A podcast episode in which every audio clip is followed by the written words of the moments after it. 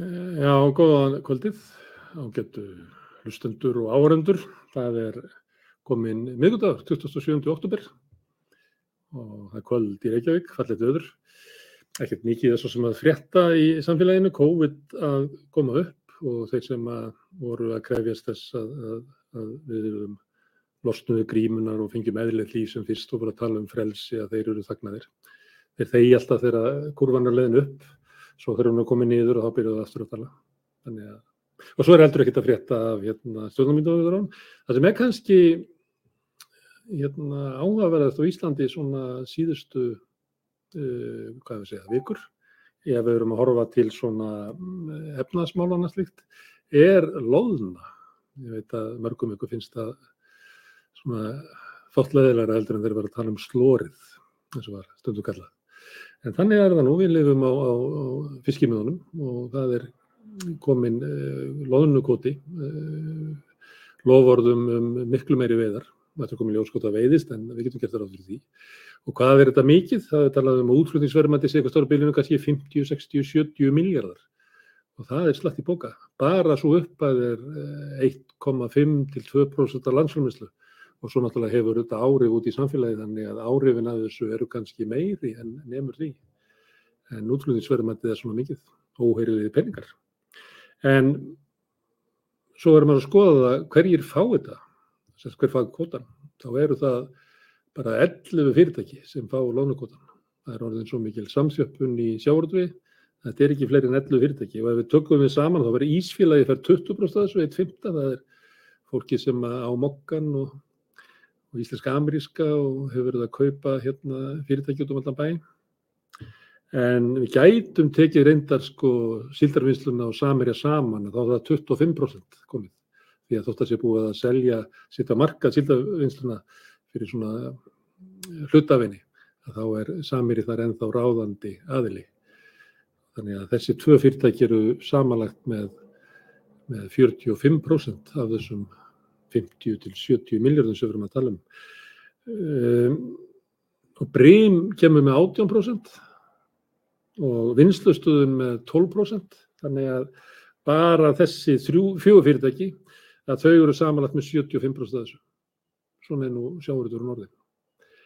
En það sem eitt sem var aðlingsverða þegar þessi frétt kemur frá Hafnarstofnum með auka lónukvotan að þá ríkur verðið á Brím og hérna, síldarvinnslinu upp í kaupöldinni og sem að nefnur hérna, 37 miljardum á breym og 37 tæpum á síldarvinnsluna. Samanlagt hækka þessi fyrirtæki verð, verðmændið þeirra um næstu 74 miljardar, meira heldur en nefnur sko spannu um útflutningsverðmændi og maður myndi rekna með því að verðmætti þessara útlýrafyrirtækja sem að fá útlutaðan kvota hækki við líka mikið við það að, að, að hérna, sem hlutfall af, af kvotunum að þá getum við reikna með því að þessi tilkynning Hafrásstofnuna hafi aukið eig, þessara eiganda þessara 11 fyrirtækja um 217 miljardar.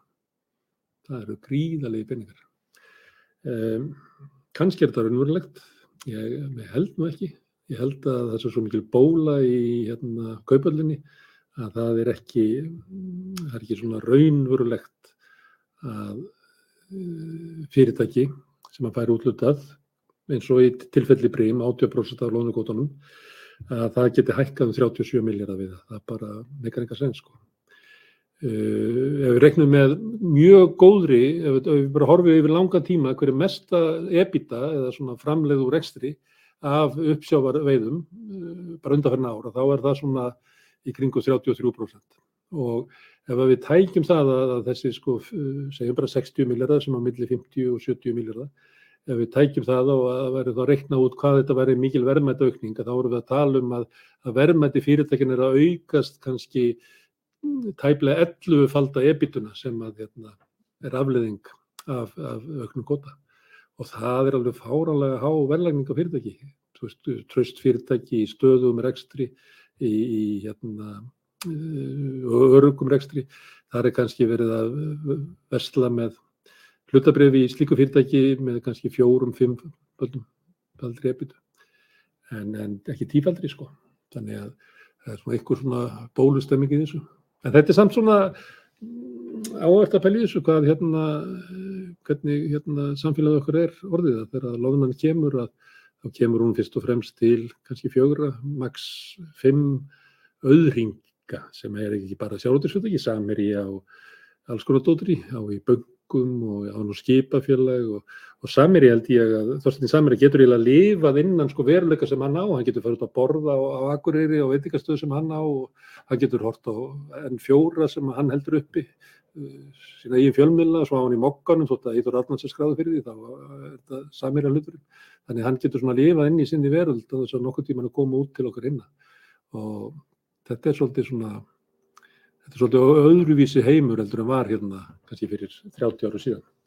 En í kvöld þá ætlum við að tala um efnaðsmál e, og þá mætir Áskil Brynjar Torfarsson þetta en, og það gefur nýr félagi inn í, í þjóðhagsráðið Jónas Alli Gunnarsson sem er ekki með okkur en áður og við ætlum að ræða um efnaðsmál en við ætlum sérstaklega að horfa á tvent, við ætlum að horfa á fastingamarkaðin húsnæðiskerfin og svo í beinu framhald að því svona fjárhagslega stöðu úns fólks sem verður náttúrulega sérstaklega illa úti út af grimmt húsnæðismarkaðins en er líka glíma við ímsa aðra þætti og svona minkandi efnarslega stöðu miða við fólk, yngra fólk á fyrri tímum. En um þetta ræðum við hérna eftir örskamastund.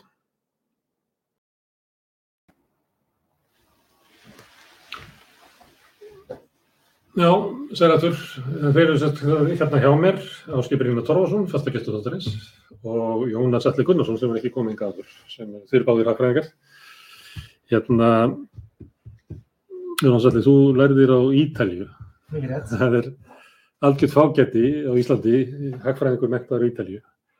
Hvað er hérna, ídurstjórnmjölu er svolítið svona spennandi. Já. Og ég, þú sagði mér hérna á leiðinni að, að sko, þú hefur skrifað rítkjörð um svona populisma og hvert þeir sækja svona stuðningsinn sem er svona mörgum hagfræði og stjórnmálafræði. Og náttúrulega Ítalið er náttúrulega bara það er land populistana þess að maður er eiginlega sko populíski flokkar hafa eiginlega þurkað út gömlu sko stofnunarflokkana og hvað ég veit alltaf ekki hvað sé byrðið að spá um framtíðina en má það ekki vera að, þetta sé raunverulega svona ströngur sem að er að verða og kannski umræðan í e, pólitíska umræðin verði svona populísku um það að almenningu fái hérna, sínir kröfur fram í gegn svona fullirðingu elitunar um að hitt og þetta sé ekki hægt.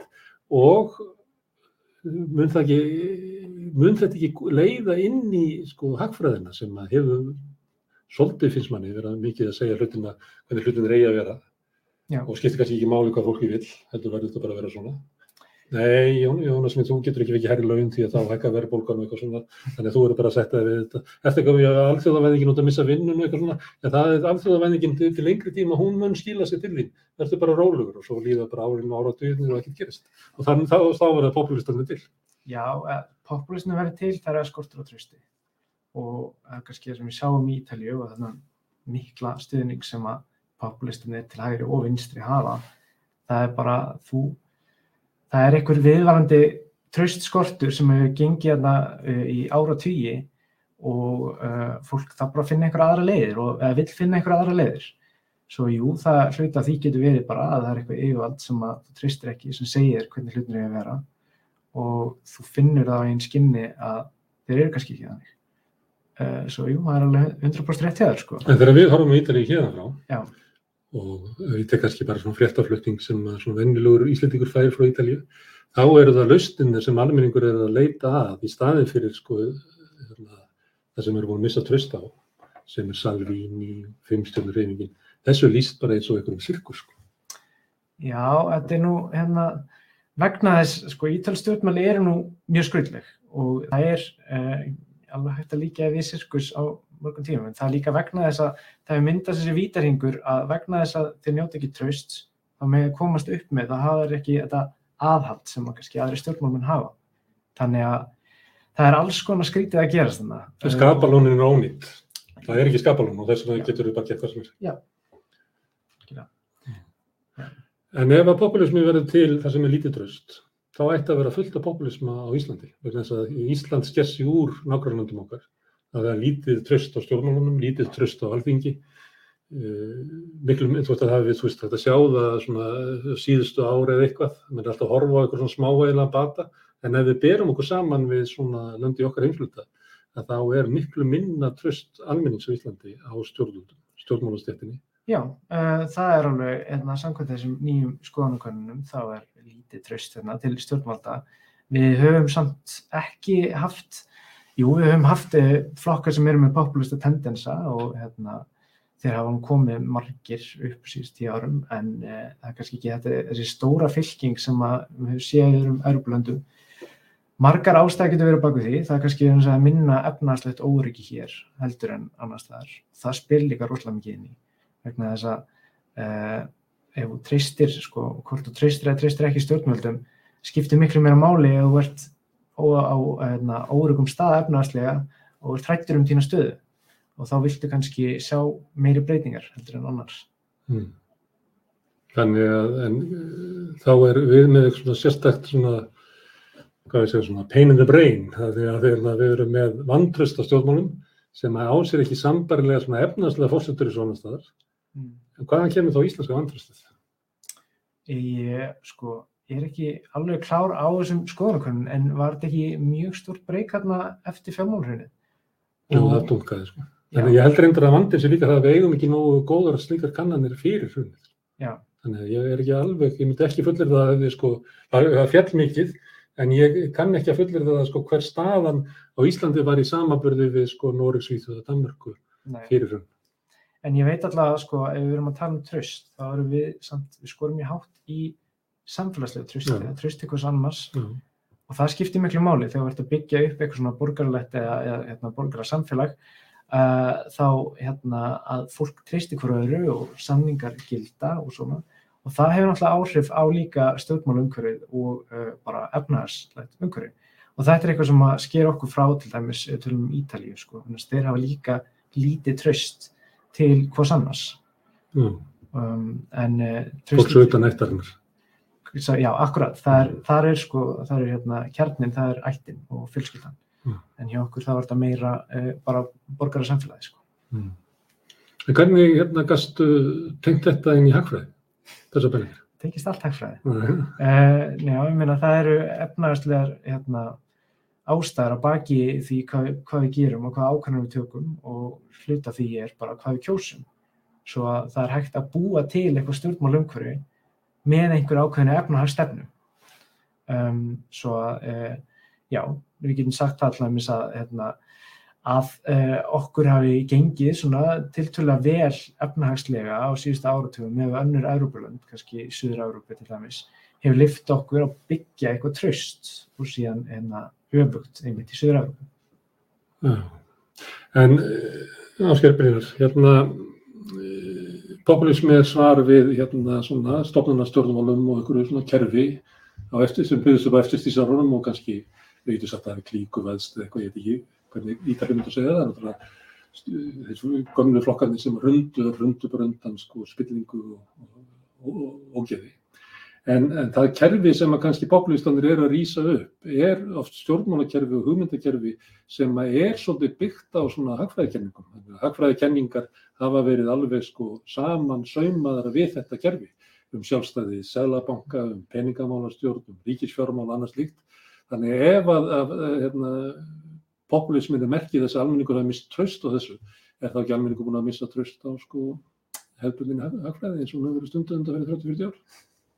Já, það eru ímis merkið þess, sko. Ég langar aðeins að tengja inn í það því ég, lærði, ég var ekki svo heppinn að læra á Ítalíu nema, nema einn langan sömarskóla í Trento í norðinu. En, en í Svíþjóða sem ég lærði, þar er líka populískur sérstaklega eitt flokkur sem nánast verður eiginlega að kalla fasískan nánast, Svíþjóðdemokratani. Og þeir eh, voru rétt um 5% markið í fyrstu kostningunum sem ég upplifði þar, sko. Hún fengur 6 Svo fengu þau 16 fjórum mánu setna, núna eru þau held í kringum 25%. Mm.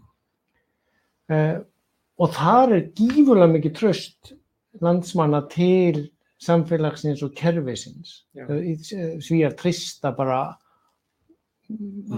hérna, því sem er ákveðið fyrir þá í hinn samfélagslega kerfi.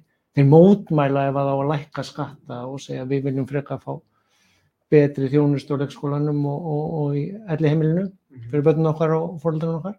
Við viljum ekki læra skatta. Þannig, þannig að, að það er svolítið skringilegt hvernig það kemur. Ég, ég þekki það ekki hvort það geti mögulega komið af einhvers konar sama meiði. Þessi flokkur þar reyndar byrjaði nú sem svona and innflytjanda flokkur en, en ég held sko að, að þar alveg eins og í Ítalíu er samt efnags og hagfræðilegur vandi á bakviða af því að, að sko þar Svíþjóð hefur náttúrulega breyst mikið. Svona nýfrjálsvíkjuna eftir bankarhunni þarna í snemma á tíundaratögnum. Mm. Það hefur Svíþjóð breyst og ég meina þetta sé mjög eðlilegt að svona alþjóðu fólk í Svíþjóð upplýsi svikið að kerfinu. Þess að Svíþjóð er ekki kannski það sem okkur var sagt að það Ná- Nákvæmlega, það, það, ímyndin á Íslandi af Svíða sem einhvers konar ultra sósíaldemokræsju, þeir eru komin engavæðingu, það voru sko mentaskólar að fara á hausin umvörpum þegar ég bjöð hana, að að búið engavæði þá. Og þeir voru að keppast um, um nefnendur með því að bjöða um frían iPad og frí á miðgudöfum og svo hætti fólki að finna sniðut að setja börn sín í svona mentaskóla þegar þeir fóru á hausin um jólinn sko, og börnin voru alltaf ekki með. Þannig, þannig að, og sama með, með sko, um, eina engavæta hús stjúkrahúsbyggingin á Karolinska. Þann- þannig að, og það voru aftur þrýr sem bjóði verkið fyrst, bara eitt sem stóð uppi á hendanum, þannig að það er engin engin raunveruleg samkerni og kom engin hæðaræng, það var bara eh, ríkið að léni sem þetta borga fyrir. Ávöxtun á eigið fyrir í uppbyggingu á því sjúkrahúsi í viðbót við allt hitt. Þannig að, að þeir eru búin að gera alls konar tilraunir Það er enginn á Íslandi, enginn vinstri menn kannski áttunda áratögnum, Mm. þessu þau ekki að gera bara eins og svíðanir. En núna segir enginn vinstri menn það, en eins og allir hægri menninni sko í sjálfstæðarflokknum á viðri segir ekki bara að gera þessu í Svíþjóð. Því að svona þeir, segir nú hvert á hvaða leið Svíþjóð er. þeir ná hagraðingu í til dæmis sjúkruna heimilum Má ég spyrja ykkur einu, að við erum að tala um populism og vöxtpopulism á Ítalíu, að við erum með öfluga vinstri flokka, populíska, í Gríklandi, Mm. Ítalíu og Spáni. Ekki tekist að búa það til í, hérna, í Fraklandi, en Melanchon hefur ekki náð svona skrið á, á, á sína tilunir. Linke í Þískalandi sem að reyndi þetta, að fara þessa leið, eh, galt eiginlega, ég segi ekki afróð, en eh, tapaði miklu í síðustu kostningum. Og svo erum við koma til Skand í Skandinavíu, þá erum við með sko populistanir eru allir hægra megin. Og það er eiginlega ekki að finna neina svona populíska einkenni á neinum af vinstriflokkonum í, í neinum af þessum löndum. Sko. Það er kannski raukt í Noregi sem að er samt ef- er aðeins og gamall flokku til þess að ná því að, að vera með svona henni populísku vinstri bylgju. Hvað veldur þessu? Já. Þarf vinstri á því að halda populísku enduníun? Er, er þetta holt eða er þetta sem vinstri þetta forðast? Ég, ég er nú ekki rétt með að spyrja ráða fyrir, fyrir nefnilega svona populísku. Ég myndi að þetta væri ríkisfjármálin í Evropasambandinu. Já. Uh, Þú ert með söðrið sem eru nettó uh, viðtakandur af styrkjum frá Evropasambandinu uh, en hafa uh, aftur á móti ekki þetta frelsi til þess að hafa sín einn ríkisfjármálastefnu Evropasambandinu uh, og þeim finnst það einhvern veginn uh, ósangjant á meðan- Heftandi. Já, heftandi Já. og reyðu kjósendinir þarna finnst það heftandi að geta ekki stjórnað sínu. Og það er raunverulegt að þess get ekki hækkað aðurinsbætur eða Já. eftirlaun eða eitthvað slíkt. Akkurat. Þannig þeir get ekki byrkt upp velfærakerfinu því að það komi bara loka á það frá Európu. Þeir hafa hámark á fjárlaga hallan Já. sem þeir þurfa að hérna, eh, uppfylla og eh, það hefur einhvern veginn tala betur til vinstri sinna kjósenda að meðan í uh, narratífið í norðrinu er það að við erum að gefa þessum uh, fátöku söður Európubúum ölmusun, ölmusun okkar og það er ósangjant sem er kannski uh, meira hellandi fyrir hægri kjósendan. Mm. Uh, svo að ég seti einhverja mjög hraðsóna kenningu en það Já, upp á stanum. Sem, En, eh, sem eins og Svíþjóðdemokratandir og, og hægri populistandir í Skandinavíu eru allir eiga sinna rætur í svona uh, móti sköttum Mm, glistrúp flokkum. Þeir runnu saman eiginlega sko svona útlendinganduðin og svona uh, ég vil ekki borga skatta. Ég held að þetta geti verið nokkuð góð, góð tilgáta eh, og, og ef ég má bæta inn í sko, við hoppuðum yfir Þískaland þannig, og þannig að nýbúinara kostningar þar og þar var, hvað heitir það, AFP eða eitthvað sem, það var svona líkur á að einhver eh, svolítið ákvað populískur, hálfuna fasískur já. Já, en, en, en þeir náðu nú ekki, ég mandi ekki nákvæmlega, náðu nú ekki Sók þegar það heldur ekki áfram. Nei, vo- voru eitthvað skinsamir í Þýskalandi, en þar er hins vegar, af hverju segir það? að- ég meina, Er þetta ekki bara eðlilega viðbröð fólks í Östu Þísklandi sem er náttúrulega svæði sem var bara rænt? Mm, mm. Östu Þískland það voru ríkisegninnar sem almenningur átti voru bara tegnar og engavættar og þú situr eftir, vinnur í einhverju sko, sko valdi sem að þú hefur yfir svona þínu svæði miklu minna en það var. Þetta er mjög skynjalegt að þetta fólk upplifir sig svona hálf svikið af sambandslífið. Já, sko, já, en á hinbógin held ég að, að, að sko, lengi vel eftir samrunan, eftir fall Mm. og upphaf efrunar, þá var litið á Þýskaland sem veikamannin í Evrópu. En það var nákvæmlega vegna þess held ég að gamla vestu Þýskalandinu tókst að samþætta gamla austu Þýskalandi inn í og ég held að Evran hefði verið líkil atrið í því og, og svona spilloverið af því að, mynda hennan eina markað. Svo, svo, svo við, þó ég dræði ekki úr gollunum af því sem að Jónas var að taka fram aðan fyrir söð- söður í norðri sem er einn stærsti átaka öksulli núna í, í pólitíkinni í Európu, miklu meira en eitthvað hægri vinstri sko. það er Svona það er- svona er þessu- austur. Og talast um það við að verum að það getur ekki talað um populisman sem er Östur-Európu. já, já, sem má vel vera að hugmynd Evrópusambandsins sem að samin Evrópu Mm. með Evrópusambandinu brotni einmitt út af því að Austri bara færist í einhverju populisma sem að hérna mun hafna Evrópu. og, og það var hitt sem vantaði inn í á hann með Póland og Ungurland sem eru náttúrulega svona uh, öfga hægri populískir flokkar þar, jável með, með hérna super meiri hluta hafa náðu að breyta stjórnarskráni eh, riði út úr hæstarétti uh, setja nýtt fólk þar. Þeir eru núna uh, sá hæstaréttur í Ungurlandi til dæmis búin að dæma uh, niðurstöður úr Európa-dómstólunum sem ólöglega sem þeirra stjórnarskrá. Og þá segir Európa-sambandi bara ef þið spilið ekki samkvæmt okkar leikreglum, þá fáið þið ekki styrkina frá okkur. Þeir eru nefnilega líka að- hérna, að, að, að fá jákvæðan sagt, framlag frá Európa-sambandinu, um, fá meira en þeir setja inn í það. Og þá bara skrúa fyrir peningin.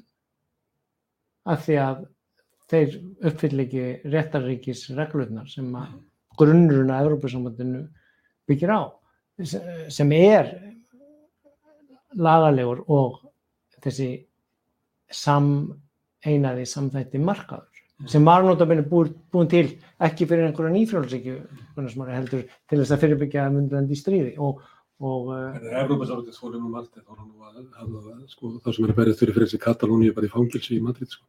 Evrópusambandið þólir ótrúlega mikið að mæritiðbrotum sko, á þess að fara á dögum. Mm. En hvað sér með Austrið, Austur-Európa, við endum populistana á því. Er Já. það, Svo, ég haldi mig við ráðsvöðinu kenningar. Og ef að norður og söður er skipt, eða snýst um peninga, það er átakalínu, þá snýst held ég austri og vestri um líðræðisviðhár. Mm. Og það er að segja, þú veist, það eru verið, verið náttúrulega þvílíkir umbróðutímar og það hefur ekki byggst upp þessi, þetta tröst til stjórnvalda eða bara uh, líðræðislega, sko, uh, mikilvægi þess að búa í líðræðislegu samfélagi. Þannig að það er miklu auðveldara fyrir uh, stjórnmáleitaða sem eru ekki líðræðislegir að koma inn og, og fixa einhverju eða, eða lofa einhverjum góðum umbótum án þess að fara eftir hinnum líðræðislegu leiðum. Og það er náttúrulega sem, við höfum þetta nú bara Boris Johnson í Breitlandi og þetta er langt inn í Vestur-Európu, þessi tegund af stjórnmálum. já, kannski samt myndi ég segja að ágætis munur á milli, sko. Íslandi, svona, Að milli- jáðra við að vera populísk hérna, slagorð. Já, þeir eru allavega ekki að stefna sjálfstæði dómstóla í Nei, og eða, eða frjálsa Þeir eiga þjóðstofnuna hérna þessi að þeir þurfa þessi. Já. Ok, en ég haldið þið að hérna, þeir eru nú Evrópu menn miklir. Það er hægt á því að Evrópusambandið sé að gangi gegnum eh, hérna, verði erfiði tímar, erfiði pólitíski tímar, ekki bara efnaðslega, heldur bara verði æg erfiðar að halda svo saman. Eða heldur að það sé að þetta stýri sem er buttunni eins og þú veit svolítið að gefa þetta kynna að, að endanum þá verði ég held sko að ef ég held mig eldi Jónas í hérna hinnar, ein, einfölduðu tilgátur að mögulega fer framtíð Evrópu eftir því hver verður valið næsti fjármálar á þeirra Þýskalands. Mm. Nú er nú er komið inn einhver drauga stjórnarsáttmála þar uh, og ef að sko, Sælabankastjóðunar sagði af sér bara síðustu. Mm. Jans Veitmann sem hefur verið aðal haugurinn í stjórn Evrópska Sælabankans í að að verið á móti þessari lágvaksta stefnu og, og hvetjandi, örfandi aðgerðunum þar. Það var, það er tvö ár síðan hann var skipaður í átt ári viðbútt. Hann segir af sig það er sex ár eftir af, af, af hérna, tímanum og ef að það verður valinn uh, sem fjármálar á þeirra í svipuðum anda og sjábleið sem var hérna í Evropakrísunni svona ordoliberal ultra uh, hérna aðhald sinnaður um, fjármálar á þeirra sem er á bakvið það til dæmis að Þýskaland hefur ekki uh, byggt nýjar brýr þó þeir hafi getað tekið til þess lán og fengið borgað með lánunu 1-2% uh, heldur að hafa haldið sér alveg strikt innan þess að ríkið eigi ekki að stuðla að neinu og, og, og halda sér tilbaka. Ef það verður þannig fjármálar á þeirra, þá hef ég uh, tölverð ágjör af því ef að það síðan í kostningunum í Fraklandi á næsta ári kemur annars konar útkoma, að því þá er byrjuð að koma svona sprunga í þessi tvö megin ríki sem halda sambandinu saman. Eh, ég hef hins vegar eh, fulla trú á bæði kjósundum og, og að það tækist að velja góða einstaklinga þarna til, og, og, og, og ég er að vísa núna í Adam Tools grein í Guardian í síðustu viku að, að sko ef að það kemur til valda svona meiri Bidenomics eða, eða um, samfélagsuppbyggingar þengjandi fjármálar á þeirra við sko að bæti náðu þeim í gegn í bandaríkanum. Eh, að þá er möguleiki á að eins og Európa-samlandi alltaf yfir þann tíma sem ég fylgst með þó að það sé oft alveg á brúninni að, að hérna um, að fara, fara fram af einhverju brún sko, að þá þá tróast það alltaf áfram sko. og, og ef að það næst núna í framhaldi af þessum heimsfaraldri þannig viðhorf skipti eins, eins og heimsfaraldurinn hefur svona gefið eh, undirlæðið fyrir þar sem að menn losum kreddur Og skiptin verða bara jaft í öllum löndum Európu í saman tíma. já, uh, Þetta eru þau svolítið tæftu önnarlegur. já, já og, og, og, og Það ég er allt farið með allra besta ég- á öllum svæ- sviðum og þá munir það ganga. og það náist gott samkomlega í Glasgow líka sem væri mjög mikilvægt fyrir þetta líka þannig að- að grænvæðingin komi með samfélagsuppbyggingunni í framhalda heimsfaraldrinum og stafrænivæðingunni að þá væri hægt að fara í sko svakalega fína uppbyggingu í Evrópu sem myndi samþættana enn meira hraðlest frá norðurinnu til söðursins hérna Hamburg, Athena hraðlest sem getur sofið í að fljúa líka til Madridar Hvað er Evrópu- Bokkar aðeins neður. Sko, ég held að Európa-samvinna, sko, ef maður lítur til lengri tíma, þá uh, kemur ekkert annað til greina heldur en að Európslands uh, starfi saman. Um, eru, þeir eru of samþætt efnaðaslega til þess að þeir uh, hafa eitthvað, sjá sér eitthvað hag í því að vera uh, bjartur í sumarhúsum. Það verður að vera eitthvað leið að fara. Já, Það getur ekki verið saman bara um að verða að vera saman en ósaman um hvert að fara. algjörlega og það er, veist, það er þessi træða og það er þetta reisastóra bátt sem Európa-sambandi er sem býr til einhverja kyrstöðu og það er náttúrulega ekki alltaf optimal en eh, rosalega voldugt og ég held að muni þurfa rosalega mikið til þess að Európa-sambandi eh, hætti að vera til sko. Mm. Eh, ég held að það muni halda áfram og það eru eins og Orkir segir mjög miklu möguleikar í að byggja upp Európu eh, við þurfum bara að sjá hvort að það Þetta er rætist úr því. ótrúlega flókin pólitísk leið að þurfa að stilla saman vilja allra þjóði í Evrópu til þess að geta farið. Þetta er, það má vera að þetta sé rétta leiðin, þetta sé bara pólitískur ómúðuleiki eins og sagt er. sko, má ég nefna þetta? Hérna, federal governmentin í bandaríkjanum er meiri bjúrokrasi heldur en Brussel og Europasambandi þannig að- að að- að bandaríkjamönnum tekst að lifa með, með, með þa- þannig bjúrokrasi þannig að sumir myndu ég vel telja hún væri full lítil eitt af grunn stefnum með Europasambandi er subsidiarity, það er að segja koma ákvörðunum niður eins langt út á sveitastjórnar eða eins nálagt uh, íbúanum og hægt er uh, sem felur í sig minna bákn. Hitt er það að það er viss hætta núna rætt um að, að það verði plexit, að Póland geti farið í exit ef þeir, ef þeir verða harðir á þessu. Hins vegar er þar aftur almenningurinn 70% hlindur verið í Europasambandinu og spurningin er bara í liðræðslega hvort þeir þá muni skipt út stjórnvöldunum sem að vilja ekki fylgja uh, réttaríkisreglum Europasambandsins. Þá verður að verða til pólitíkt afl sem að tekur þá leiðsög Já. sem að hefur ekki alveg að teki. Sko. Nei, það er þetta það- um ítölsk stjórnmál, Já, það er hann áfram Evrópa eða eitthvað slíkt sem er nú bara svona jaðarflokkur Já. og svo er hérna demokratanir hann þeir eru kannski með 20-25% þetta eru þeir sem eru á línu uh, áskis þeir eru kannski bara 25-27% í, í, í Ítalíu sko. Algjörlega og síðan þegar þú sér skoðanakannanir þá eru Ítalir á bara nokkuð sammála um að uh, vera í Európa-sambandi. Það er alltaf meiri hluti fyrir því, fyrir aðaldi í Európa-sambandi. Stöðu meiri hluti. ekki bara besta við Evrópusambandinu Jú, ég meina þetta, er- þetta er kyrstað, þetta er normið, svo að hérna, það er kannski skiljalegt að fólk vilji það frekar. Uh, en já, þú veist, það er þessi stærsti, náttúrulega, ef maður talar um flokkalandslægi á Ítalið, þá er þessu rosalega margir og það eru hérna, margir uh, sem sagt, um, flokkar sem eru gegn Európa-sambandinu Mm. en vinna kannski ekki saman svo að það fylgir dreifist einhvern veginn saman. Þannig að ég myndi segja að Evrópusinnar séu ágætlega vel varðir á þinginu svona með að við en hérna, þú veist, ég held að þeir séu ekki ég myndi spá því að það, þeir séu ekki fyrstir að fara úr þetta er svolítið enginni samt okkar tíma svolítið, það er kannski samfélagssáttmálinn er fallinn, það er búin að missa trú á honum, hvort sem það er nýfrálsíkjan eða eitthvað svona en það bara hefur ekkert komið í staðinn sko. Þannig fólk veit ekkert sko hvert eru það að fara sko, en kannski svona vaksandi tilfinning fyrir því að leiðin sem við höfum farið hingað til, hún dugar ekki lengur sko. Já, ég var á, á hérna, hafræðaráðstefnu í Þýskalandi í dag, New Economic Forum eh, ráðstefnu í Þýskalandi og þar talaði meðal annars mjög áhugavert erindi hérna hún Minus Shafik sem var aðstofað í Breitlandi, styrði efnarsreikningi Sælabankastar en er núna rektor LSI, London School of Economics.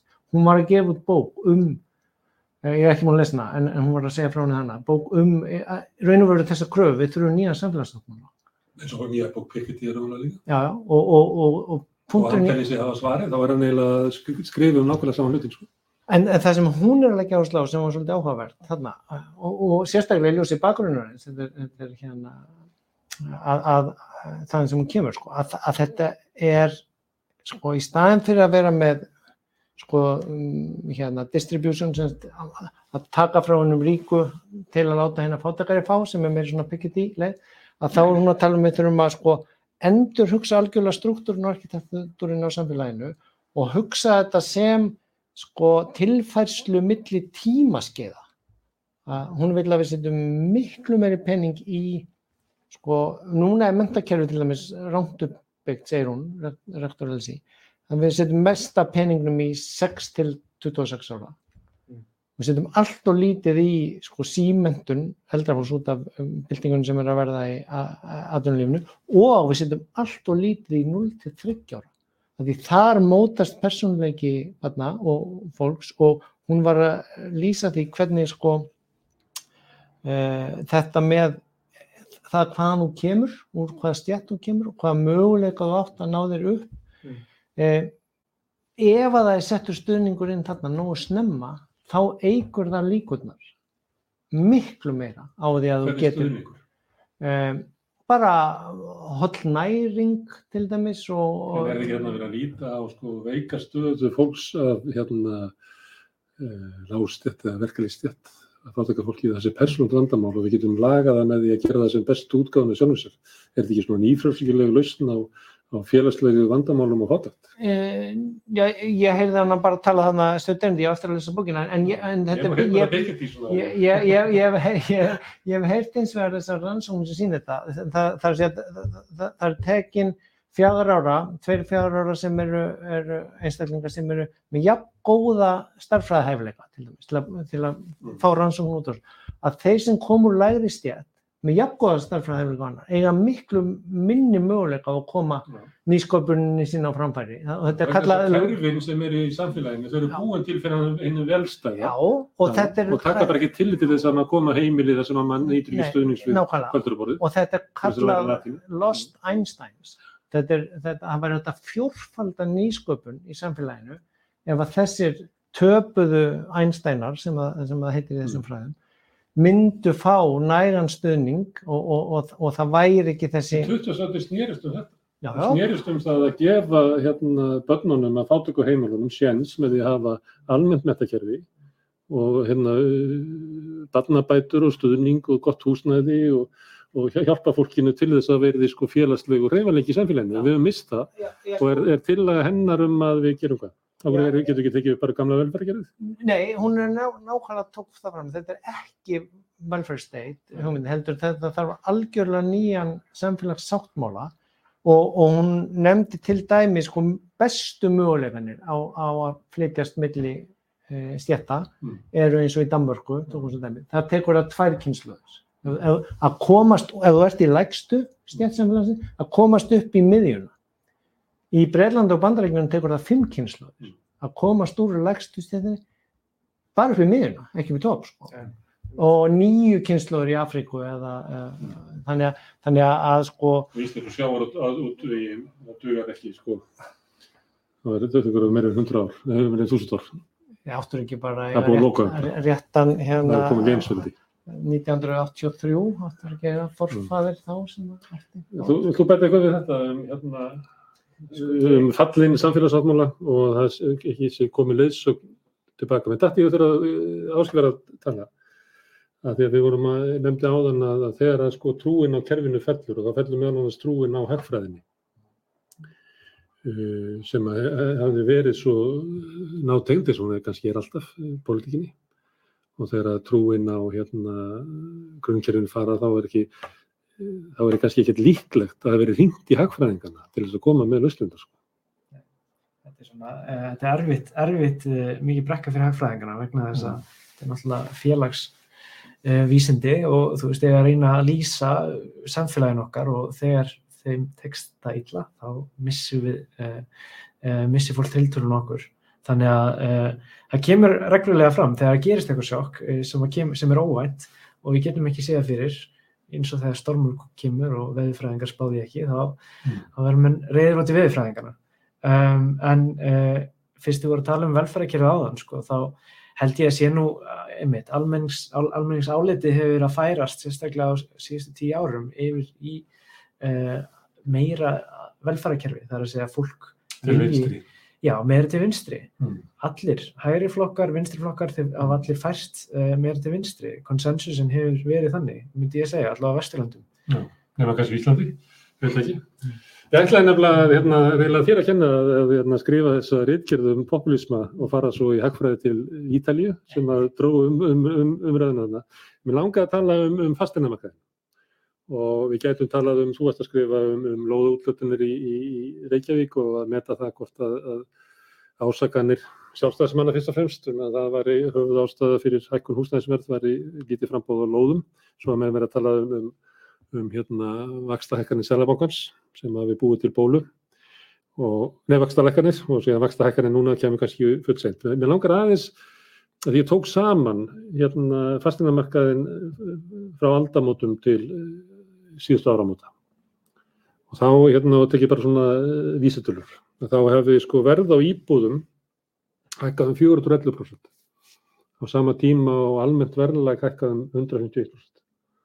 Þannig að á 20 árum hefur húsnæðisverð tvöfaldast í verði með við almennt verðlag.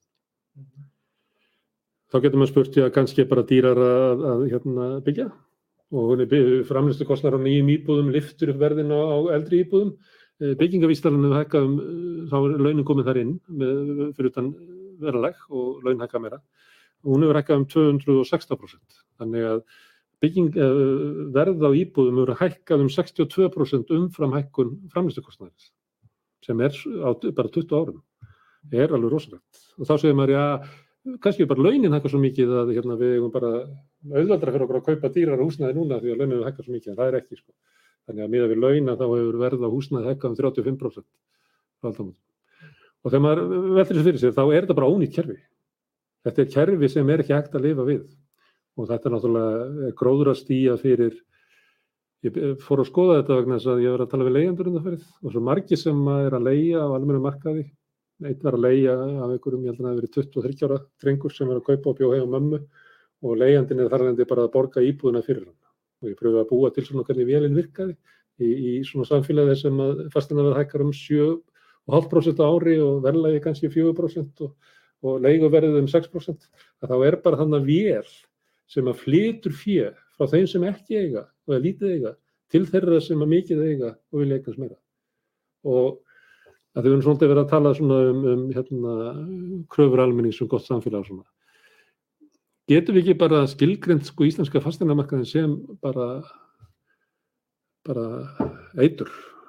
Þetta hérna, tilraunin sem var gerð svona um miðjan tíund áraugum til þess að breyta honum, sem var reikin áfram að Ríkistóð Franssonar og Sjóðarflóksins, hefur bara mistikist. Það er ekki hægt að búa við svona fasteinamarkað. Eða hvað? Sko, um, eins og ég nefni í greinu minni, þá er alveg tilefni til þess að byggja miklu meira enn við gerum núna. Og ef við sjáum það bara hvernig fólk býr og þú veist, það eru miklu færri íbúður á hver, hvern íbúða núna heldur en var fyrir tíu ári síðan. Þá svo fjölskyldu stærðin hafi mikað. Um, já, og Já. það er kannski vegna þess að hérna, það er mismunandi, getur eitthvað að einhverju leiti útskýrt sko, að mismunandi smekkur til íbúa, það séu kannski fleiri ungir uh, verkamenn sem hafa komið hingað og búa, kjósa búa með öðrum. Um, en uh, ég held að það útskýr ekki Það allt. Held getur að- bara ekki hérna sko. Nei, já, eða get ekki, einmitt og hérna, það er eitthvað, það er eitthvað þarna sem læti það, uh, gera það að verkum að við búum þrengra en við byggum áður. Um, Það er ekki framfyrir. hvað særum? Það er ekki framfyrir. Nei, uh, myndi nú ekki kalla það heldur nema að það sé út af breytum smekki en hérna, hef enga fórstu til að meta það. Mm. Uh, en uh, sko, já, með, þú veist, húsnæðisöryggi hefur líka aukist eða lítið langt aftur í tíman, sko. Um, en ef við skoðum bara síðustu mánuðina þá allavega hefur ekkert stórkoslegt breyst þrátt fyrir að húsnæðisverð hafa hækkað svona mikið. Það hefur ekki séð allavega mjög miklar uh, breytingar í húsnæðis óryggi. Hvernig mælur við húsnæðis óryggi? Það er í skoðanakonum hjá uh, húsnæðis og mannverkjastofnun. Þeir Mm. eru svona uh, með eitthvað, eitthvað púli hérna sem er spyrja hvort að þeir telji sig búa í, uh, eða, í hérna, búa við húsnæðis öryggi eða óryggi. Og Það alltaf það ekki bara verið að því að sko túrisminn trekk saman og, og íbúði sem áður voru á Airbnb, þú veist ef þú ert að leiða einhvers staðar þá svona minni hægt á að þið verið sagt upp til þess yfir sumatíman til þess að það verið hægt að leiða hann út og þannig það er alltaf svona hlutir sem geta þetta áhrif. Já, getur vel verið. Legumarkarinn hefur uh, einmitt notið góðs að þessu eftir að faraldinu byrjaði sko.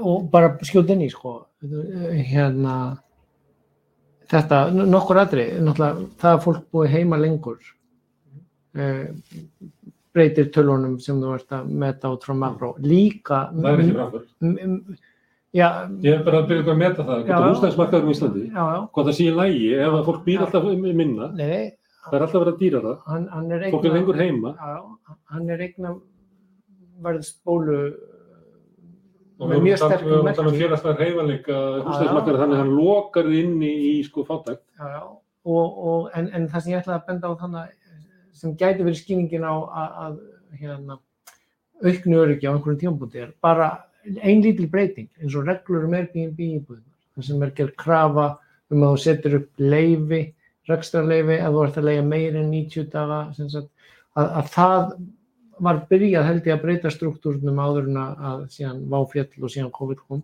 Uh, hann við vitum ekki alveg síðan hver, en, en þetta er grein, þetta er svona greinlegt spillover á milli. Veist, við fáum inn á túristabólu við eigum ekki hótel fyrir það og það bara getur upp hérna og allir fara inn rétta íbúður í kjöllurum og bílskorum og reysum þannig uh, svo verður bara komið ljós eftir COVID núna. Hva, hvernig túristamarkaðurinn verður bæði hér hjá okkur í heiminum yfir höfuð hvað mikið af hótelunum þú veist, að því hættan er svo, þegar mann er að horfa í svona sílóum og mæla á einhverja stopnarnir og telja að, að, að það missi af þessum jaðar yfir skigðu hlutum. Það er að segja, ef það, er, ef það var bóla í hótelbyggingum og núna er síðan búið að vera að vinja að klára þau hótel meðan COVID gekk yfir, þau eru síðan öll tilbúin núna og það verði einhver dempun í ferðaðinaðinum. Er að segja, fólk fara að ferðast sjaldnar og, eða kemur líka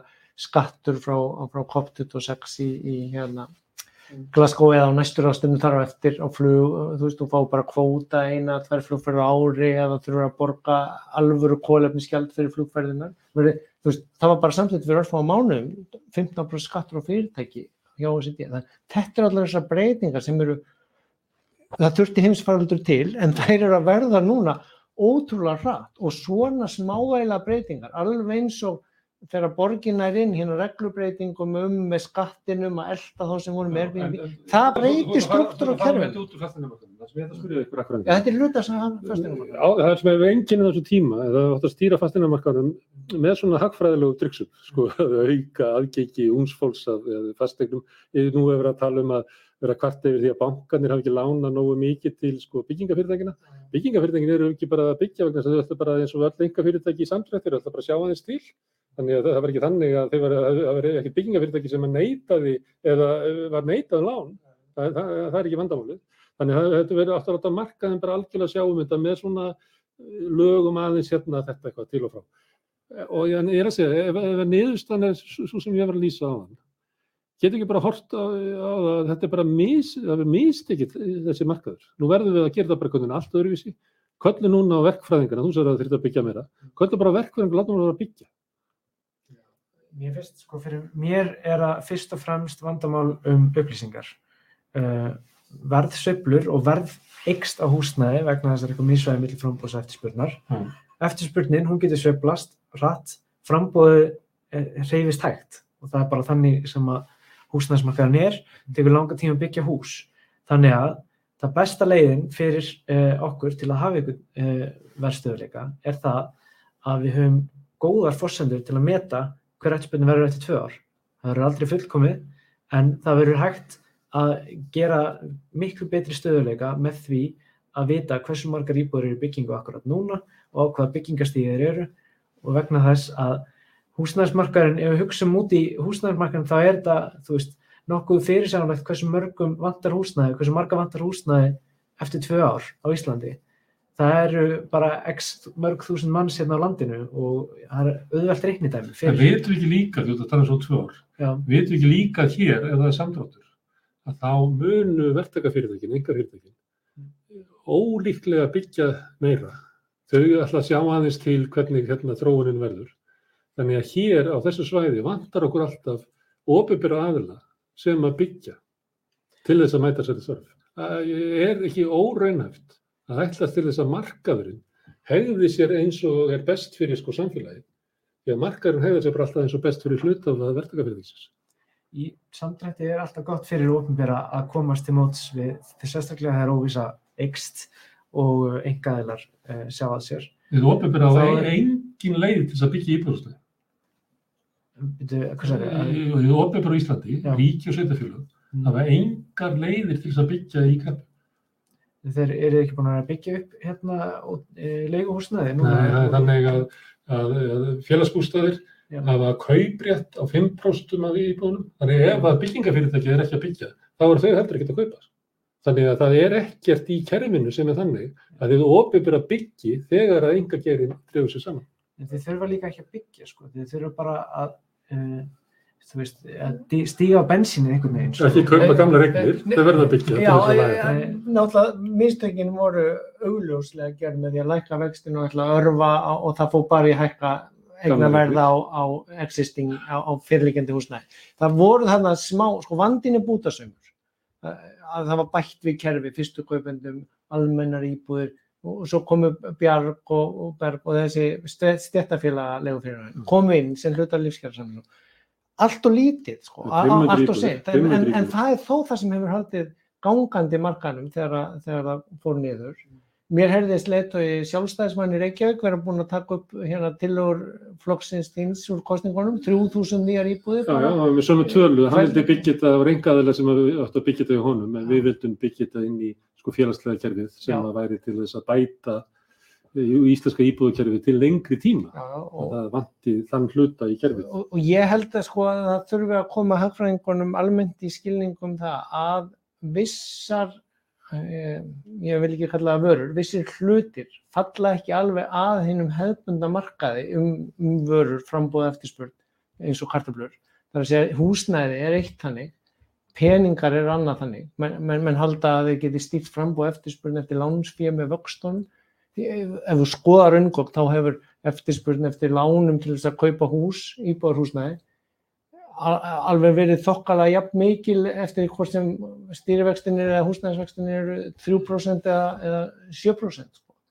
Uh, Jökulst er ekki út af vextalækuninni núna í fyrra eða útlánin, jú, og það fór beint í hækkun á verðinu. Einu sem að fengu það voru þeir sem að Já. þurfti ekki að þau halda Já. og þeir kannski kyrtu húsnæði og ég held að þetta er komið ljós að ég ég held að er ekki að tala um þetta verið 200 miljardar sem fóru inn í húsnæðismarkaðin.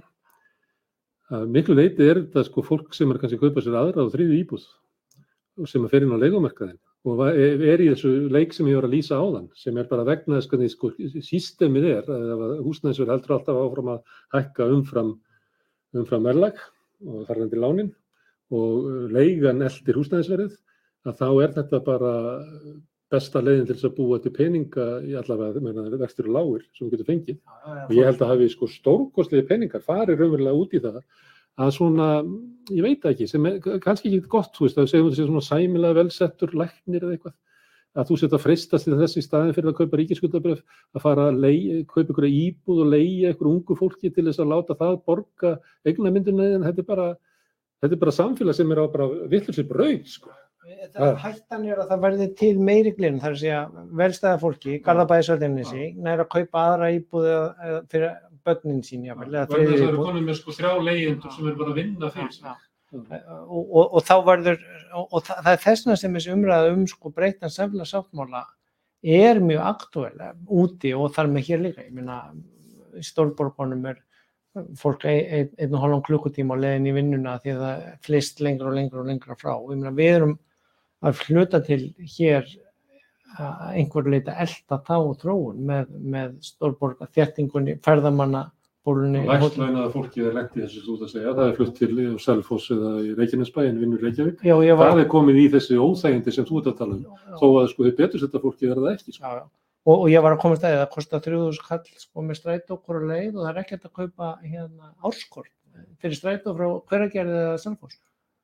Ég held að fólki í hérna Vesturbænum og Garðbænum veit ekki af þessu sko. Þannig að þá er aftur komin svo spjagar hvati ef við viljum út af lofslagsmálum fara meir í almenningssamgöngunar að þá er það svo dýrt að taka strætóin úr hverfinu sem þú hefur efna að búa í á Selfoss eða, eða, hveragerði að það er orðið jafn dýrt og bíl Þannig að, að, að þetta er aftur breyting á samfélagssáttmálunum sem að hagfræði nýtir á. Er verið að búa til hóp sem að geti haft efnarslega ástæðu til þess að aðhyllast populismu?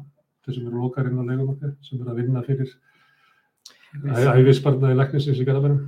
Við erum að býða og sjá með það. Uh, það sem að e- myndi stórbæta kjör uh, tekjulára á húsnæðismarkanum, það eru bættar og ódýrar almenningssangökur. Og það er ekkert nýtt í því, það, uh, við vitum það, við sjáum það hérna. Og sko, ef að almenningssangökur eru nógu góðar, þá er minnamál fyrir uh, tekjulára að búa fjær miðbænum í kílometrumtalið eða nálægt einhverjum góðum línum, sko. Um, þannig að Það er ekki verma í Reykjavík um þetta, því að fyrsti áfangi borgarlínu, hann nær bara að ellið honum.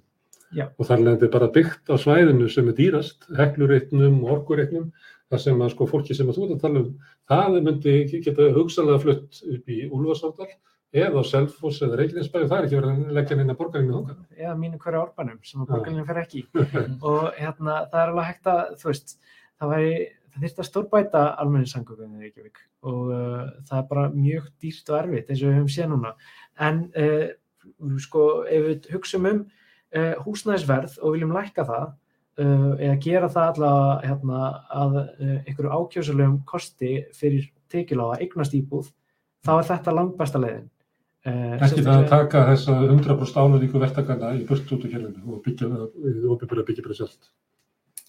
Ég sko uh, ég, ég er ekki alveg á því að þið ofnbæri eigi að ganga í þessi störf. En uh, uh, sama hvort að þið ofnbæri gera það eða einhvað að gera, þá er það bara jákvætt ef að fleiri íbúið verið beða núna. Þú varst í Svíþjóð, varst með í fastegnabransanum. Í Svíþjóð eru hérna, miljónaverkarnir fóri gennum sveitafélagin. Ég veit ekki hvað er 20% af húsnaði eða meira í eigu, í eigu sveitafélaga og svo er þetta kannski komið 10% í viðbútt sem er í óhagnaðadrifnum hérna, félagum sem er raunverulega elda þetta kerfi. leigu íbúðir í stórborgunum í Gautaborg, nei, í Svíþjóð, Mm. þess að ég rannsakaði þegar ég var í Gautaborg, Stokkólm, Malmö, Mm. að það er enda tíu ár síðan ég var að rannsaka þetta. Uh, 60% íbúðana voru í eigu félaga í eigu sveitafélaga Mm. og svo voru 10-20% sem svona félög sem að voru heldinni eða af leigumarkanum af, af íbúðum sem voru í leigu. í leigu. Já. Og leigumarkanum kannski 50, 50%, Já, já, er 30%. já. Þannig ég var ekki svo langt. Þannig að, að sko, þar þykir það, en þetta eru félög sem eru rekin bara eins og hvert annað fasteignafélag. Já, Það er bara í eigu sveitafélagsins, sko. Og, og, og, eins og fastegnafélög í síðu löndum, Já. eins og fólk haldi ekki að við sem að segja þetta séð reikið eins og íslensku gamla og, félögin. og, og, ég meina, ég rannsakaði þarna félög sem voru líka í eigu bara fjölskyldna, sko, Já. 2000 íbúða félag sem að, og, og þó var, sko, ákvarðað af ríkinu hámarkshækkun á leiguna þar. Þið vant er að við- fólk er að leggja þetta til að við verðum bara að stækka hérna, hlut þar sem er hérna, varinn fyrir vilda markaði. Sko, Það verður, að við verðum, það verður ekki lægi í íslenskar húsnæðismarkað fyrir að það verður 30%. per, sko persónulega myndi ég Mm. vilja sjá fleira á leigumarkað í Íslandi. Uh, vegna þess uh, að Fleiri á leigumarkaði? e, já, sko, starri leigumarkað og að leigumarkað var ekki einungis valkosti fyrir þá tekið lagstu. Það er að breyta leigumarkaði. Um, þá þyrftu miklu fleiri leiguíbúður Já. og. En hvernig eh, ætlar að komast þangað? Því að það, það, það segja þetta fólk að við erum fleiri fara á leigumarkaði er eins og að segja sko henda fólki bara fyrir ljónir. sko. já, í þessu, hérna, sko, í þessu umhverfi sem leigumarkaðurinn er núna, þannig að þess að leigan er dýrari vegna þess að leigjendur eru í meir hættu að borga ekki leigun sína. Þá er einhvers, einhvers konar rakval orðið á uh, Nei, Íslandi. en, en líka, ég hef sagt þetta við marga hafræði vinnum mína hér á landi, sko, að, að kerfið er þannig að, að bankin segir hérna, þú færð ekki lán fyrir íbúð því þú hefur ekki efna á 220 skona afborgun á lánum, Mm. ef þú átt eitthvað hérna í útborgun með við það.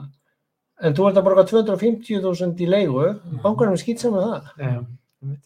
Það, það, er sko, það er misræmi í kerfinu og allir hagfræðingar sem ég segi þetta við, að þeir eiga allir íbúð og, og krumpast bara saman sko og hérna, eh, að því þeir eru sko per definísjón á móti því að ríkið Það er eða, hægfræðingur leigumarkaði. Það er leigumarkaði Jóns. Uh, nokkurn veginn. Já, það á ekki eigin, Já. eigin íbúðum það sko.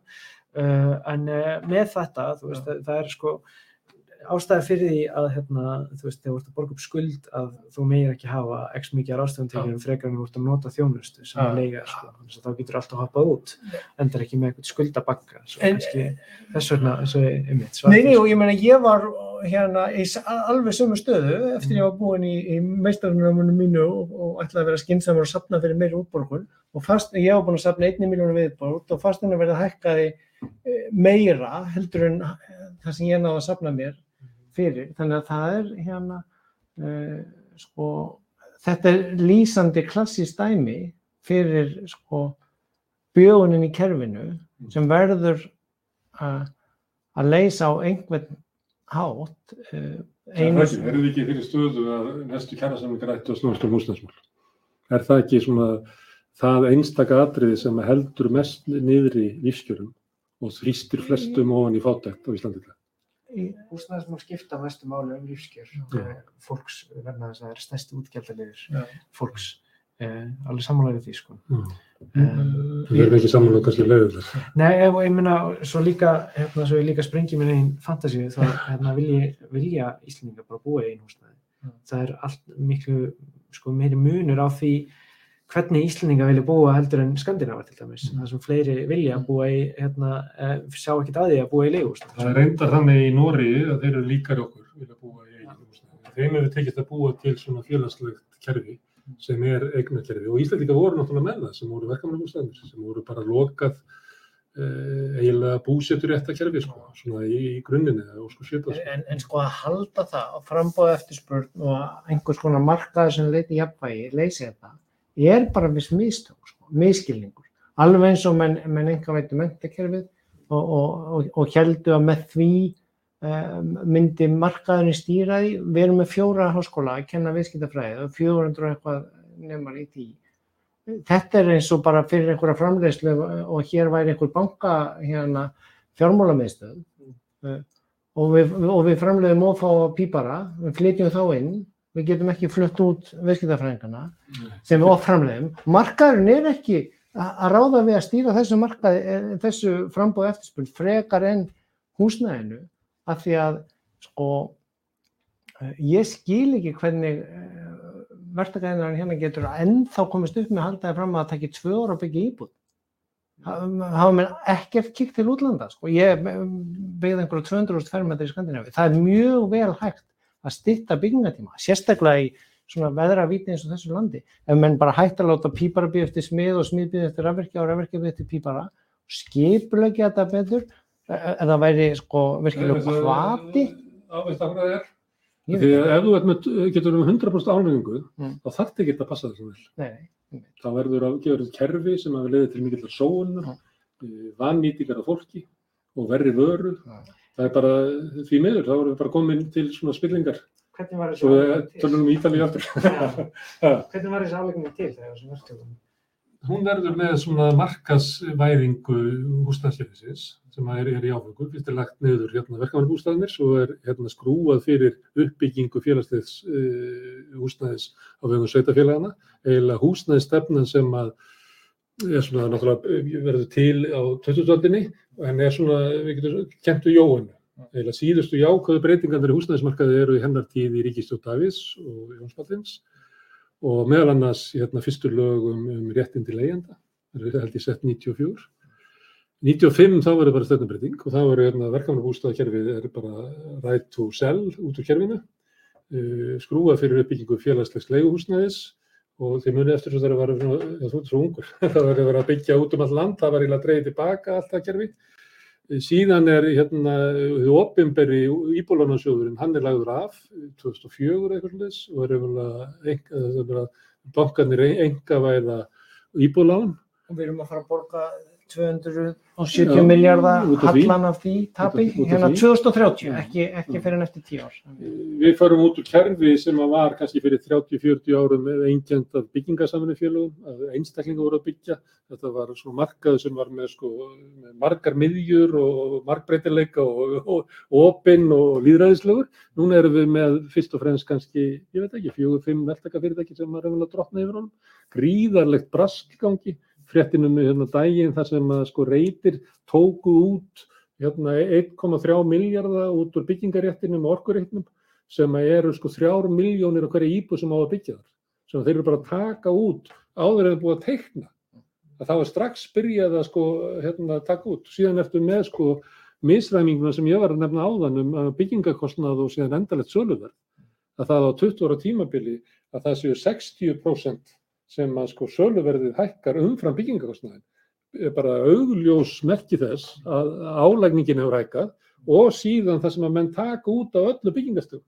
Lóðabraskarinn tekur út sitt, sá sem að hérna, suðaði við byggingastjóran í Reykjavík um að fá auka hæð og eitthvað svona, hann tekur út sitt og við þekkjum þetta, við verið að selja til dæmis hérna, landsímahúsið aftur og aftur, það sem er alltaf verið að selja það eh, til þess að taka út hagnaði fyrirfram, þannig að endanlegi hérna, álægningin er kannski ekki 100% en, en álægningin á leiðinni, hún er 100%. Inn í þessu álum eru opinber gjöld og allt þannig, já, já, það er, það er allt í þessu. Þetta er bara, Það er, er ekki lóð, lóðakostnaðurinn er ekki inn í byggingavistunni. þetta er, fjár, þetta er fjármálavæðing, hérna, þetta er hinn alþjóðlegi fjármálalegi kapitalismi sem er, er hérna, Það hættir að, snúast um sko píparann og skrúurnar og, og þú veist, sarfir fólks og er bara að byrja að snúast um það, þú veist, hvernig tekst mér einhvern veginn að, að keira vélina áfram til þess að sko hagna sem mest. Það var það sem ég var að leggja upp með hvort að við ætlum ekki bara að horfast í augu við að íslenski húsnæðismarkaði væri raunverulega bara mistök. Er, hann, hann, hann er allavega einhver markaðsbrestur á Já, það er ekki hægt að laga hann sko með einhverju svona, með einhverjum stíl, Bútasaumnum. nei, það er ekki hægt, þannig við verðum að hugsa betur verðum að bara hafa húsnæðismarkaðin, ef að til þess þinni draumar eiga að rætast, við verðum að fleiri, fleiri hérna bú í leiguhúsnæði til þess að það verði sko breyðara, sem er sama og var gert í miljónaverkefninu, það var bara fleiri settir inn í kerfið, það var svo félagsbústæðir, við þú ákvæði staðin fyrir að það 2000, rúmlega 2000 íbúðir, við verðum að hafa 20.000 íbúðir. Og það þýðir það að bara kennarar og rafvirkjar og fleiri leigja þarna, þannig að við losnum við þess að kröfu um félagslega blöndun, sem ég veit ekki hvaðan kemur, kannski er hún bara fátækta fólkunar. Það þurfa eitthvað félagslega blöndu þegar fátæka fólki safna saman. Það er engin áhyggjur af svörtu blokkunum á skólagötu, það sem að ríka fólki safna saman. Það er engin félagslega blöndun, ef öll er bara sátti við það. Þannig að það er svona, við erum eitthvað að skoða það hérna, með félagsbústæði og ég sé ekki betur en að þeir hafi sko fjárhagslega getur til þess að byggja 2000 íbúður og til þess að það myndi þá uppfylla sko kröfur kynverska stjórnvalda um, um eigin fjárlutall sem er, er, kröfur sem þeir setja til þess að stoppa bólumyndu þar. En herðu, drengir, við erum komin svona, ég ætlaði að, að